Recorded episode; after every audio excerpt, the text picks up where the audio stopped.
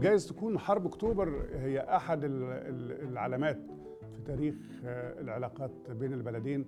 هي تاريخ مصر والعدد العديد من الدول وتحديدا في العلاقات بين مصر والإمارات. ودايما آه، بيذكر قول الشيخ آه، زايد عليه رحمة الله في في في المؤتمر لندن الشهير لما قال في وقتها سنقف مع المقاتلين في مصر وسوريا بكل ما نملك ليس المال أغلى من الدم العربي. صحيح صحيح. وليس النفط أغلى من الدماء العربية التي اختلطت على أرض جبهة القتال في مصر وسوريا. هذه الكلمة أصبحت صح كلمة- شعار شعار, شعار. نردده جميعا. ومن المأثورات التي تذكر لهذا الرجل العظيم. شوف العبارة. يعني الدماء أغلى من كل هذا. بيؤكد احترامه لنضال مصر وسوريا عربيا من أجل مستقبل أفضل لهذه الأمة. مهما ضحينا بأموال النفط وأرباح البترول. كيف رصدت العلاقة الداعمة الإماراتية لمصر في هذه المرحلة مرحلة حرب أكتوبر؟ ده كانت ضعيفة كانوا يعني إذا ضاقت بهم الأمور في مصر يقولون نتصل بالشيخ زايد. الشيخ زايد كان يعالج كثير من هذه الأمور ويقف إلى جانبه طبعا بقدر ما يستطيع. السعودية كانت تدفع الكويت كانت تدفع الإمارات العربية كانت تدفع أيضا ربما أكثر من طاقتها رغبة في دعم الأشقاء العرب.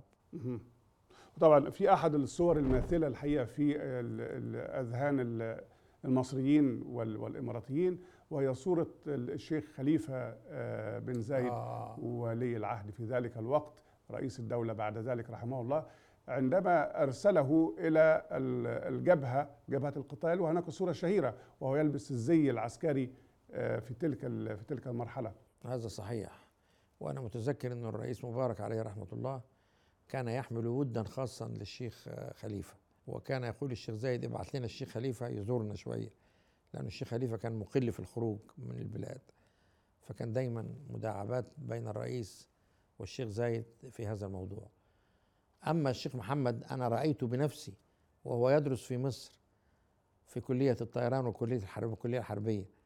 وكنا نجلس في المركز الرياضي ويتلقى الرئيس مبارك اتصالات خاصة بسمو الشيخ محمد الذي أرسله والده ليدرس في مصر فترة وكان محل اعتزاز شديد من جانب الرئيس مبارك.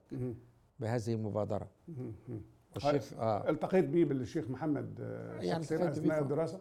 يعني استقالة يعني لا يذكرني طبعا لأن أنا كنت مجرد سكرتير سياسي للرئيس لكن أنا أذكره جيدا وأتذكر ف- فترة اللي كان موجود فيها وطول قامته وذكائه.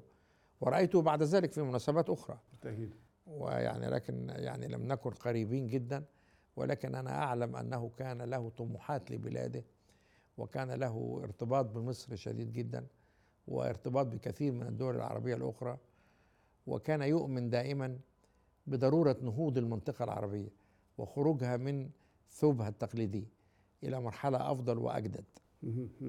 هنا جايز الموقف الإماراتي في موضوع حرب أكتوبر ليس فقط في الحرب ولكن مرحلة البناء مرحلة ما بعد الحرب. صحيح. التعمير مرحلة التعمير مرحلة الكفراوي بقى وزير التعمير المصري. أها. كان دائم التواصل مع الإمارات وهناك المهندس حسب الله الكفراوي حسب وزير- الله الكفراوي. وزير الإسكان الشهير رحمه الله في تاريخ مصر كان يرى أنه دعم الإمارات له في مشروعاته وما أكثرها. هو عمل يؤدي إلى نتائج إيجابية على الوضع الاقتصادي في مصر على المهجرين العائدين إلى مدنهم في تعمير مدن القناة على دور الشيخ زايد المادي في هذا الدعم بخبرته وأمواله للمهندسين والعاملين المصريين.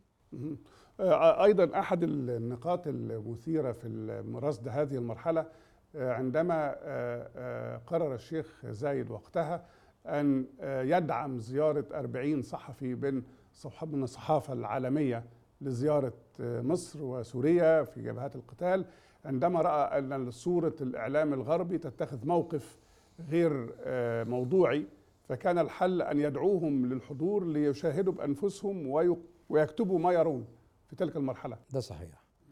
شوف الشيخ زايد كان عنده قدر من الاستنارة تدهش له. ذلك الرجل الذي كان يعيش في مدينة العين ويحتك بالحياة البداوة ولديه حكمة الصحراء فكانت لديه رؤى بعيدة جدا لا يتصورها أحد. يعني رجل يقرر إيفاد صحفيين وكتاب إلى الخارج ليكتبوا ويقرروا أمور غائبة عن العقل الغربي الذي يتوهم غير الحقيقة. هذه رؤية صائبة جدا. يمكن دلوقتي بنشوفها حاجة عادية لكن في وقتها كانت تفكيرا متقدما للغاية. فطبعا أنا أثمن كثيرا على الخطوات العديدة التي اتخذها الشيخ زايد على الطريق العربي. ال- العلاقة بين الشيخ زايد والرئيس السادات آه، آه، حسب ما تعلم ورصدت. إزاي بدأت هذه العلاقة وكيف تطورت؟ وإزاي استطاعت إنها تصمد في وجه ال- التحديات الكثيرة اللي واجهت الحالة المصرية الموقف المصري؟ كانت علاقات جيدة جدا لأن خاصة الرئيس السادات من بين أعضاء مجلس قيادة الثورة كان من أكثرهم ارتباطا بأمراء الخليج سواء في المملكة العربية السعودية أو الكويت تحديدا أو الإمارات بعد ذلك من الشيخ زايد وأولاده وأتباعه. فكان أنور السادات يعلم التركيبة ويؤمن كثيرا بحبهم لمصر. ويبادلهم هذا الشعور لأن توجهاته كانت من هذا النوع. وطبعا جت حكاية كامب ديفيد عملت شرخ. هناك من واجهوا الموضوع بمو... الأمر بموضوعية واحترام. زي الشيخ زايد ومنهم من خرجوا على النسق وهاجموا السادات هجوما عنيفا وبادلهم السادات بنفس الهجوم ولكنه لم يهاجم الشيخ زايد أبدا ولم يهاجمه الشيخ زايد على الإطلاق.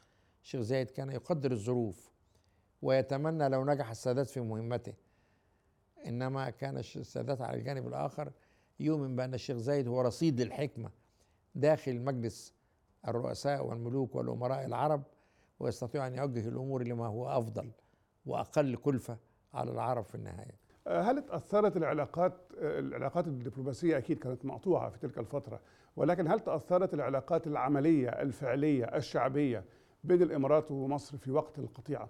لا لا لا, لا ظل سيل العاملين متجها إلى الإمارات بطريقته. آه، بعض المصريين ممن اختلفوا مع السادات خرجوا من مصر وذهب بعضهم إلى الشارقة وغيرها طلبا للعمل خروجا على توجهاتهم التي رأوها في السادات مختلفة عنهم. وبالتالي لا نستطيع أن نقول ابدا أن هناك تأثر سلبي للعلاقات. هي المسألة بس أن ما فيش سفيرين. في رئيس بعثة رعاية مصالح في أبو ظبي ورئيس بعثة مصالح في القاهرة. بدلا من سفير وسفير مهم. إنما المصالح المرسلة العلاقات القنصلية قائمة ومستمرة مهم. طب ال- ال- هنا أيضا النقطة الأخرى الخاصة بفكرة التعمير آه، في في مصر في تلك المرحلة بعد حرب آه، 73 آه، وتعدد المدن المختلفة مدينة الشيخ زايد في الإسماعيلية مدينة الشيخ زايد في القاهرة ترعه الشيخ زايد كل هذه الأمور كيف ترى أنت هذا ال- هذا الشكل هذا الدعم الإماراتي؟ بتبين إن الرجل كان معطاء لمصر وكلما شعر بأن هناك ما يمكن أن يقدمه للدولة العربية الأكبر والأقدم في التعامل معهم كان يفعل ذلك سواء بترعه السلام سواء بمدينه الإسماعيلية مدينة الشيخ زايد في الإسماعيلية حي الشيخ زايد في آه، القاهرة أو الجيزة. كل هذه الأمور كانت محل اهتمامه بلا تردد وكان يدرس المشروعات ويهتم بها. وعلى فكرة كانت لديه رؤية طيبة جدا في فهم التخطيط. وأنت عارف الناس كلها تعرف أنه كان مغرما باللون الأخضر. أيوه. وهو الذي استطاع أن يزرع الصحراء وأن يجعل هذا تقليدا في كل دول الخليج والدول العربية الأخرى ويحيل صفار الصحراء إلى خضرة المزارع والحقول. يعني شوف إيده مهم. عليه الله رحمة الله. عليه رحمة الله. ما هو الدور اللي قام به الشيخ زايد في التواصل بين آه، أنور السادات رئيس أنور السادات رئيس الراحل وبين القادة العرب في مراحل مختلفة أو بين الدول العربية لتخفيف آه، أزمة ال- ال- ال- العلاقة بين الدولتين الدول العربية مع مصر في تلك الفترة؟ كان رحمه الله عنصر تهدئة. وأنت عارف نقطة العلاقة بين السادات تحديدا وعدد من الدول العربية كانت قد وصلت إلى الصفر تقريبا. ومع ذلك استطاع الشيخ زايد أن يحافظ على شعرة معاوية حتى ولو لم يكن ذلك معلنا مع مصر السادات لأنه كان يريد ترشيد السياسة المصرية وإبعادها عن الشطط ومحاولة توفيق الأوضاع بينها وبين الدول العربية الأخرى خصوصا الجانب الفلسطيني. ولقد نجح في ذلك وأبلى فيه بلاء حسنا على ما نذكر من تلك الفترة أيضا ال- ال- تطوير قناة السويس يعني المسألة لم تكن فقط في عملية إعادة تعمير المدن ولكن أيضا إعادة اطلاق فتح قناة السويس وتطوير قناة السويس وكانت الإمارات العربية في وقتها من ضمن الدول المشاركة بشكل قوي في دعم هذا هذا هذا. صحيح وعندما اقترح الرئيس الراحل أنور السادات إعادة فتح قناة السويس عام 1975 كانت دولة الإمارات من الدول الداعمة للفكرة والمبادرة في تنفيذها خصوصا وأنه معروف أن دولة الإمارات لها تجارب تاريخية سواء في الحوض الجاف في دبي سواء في منطقة جبل علي.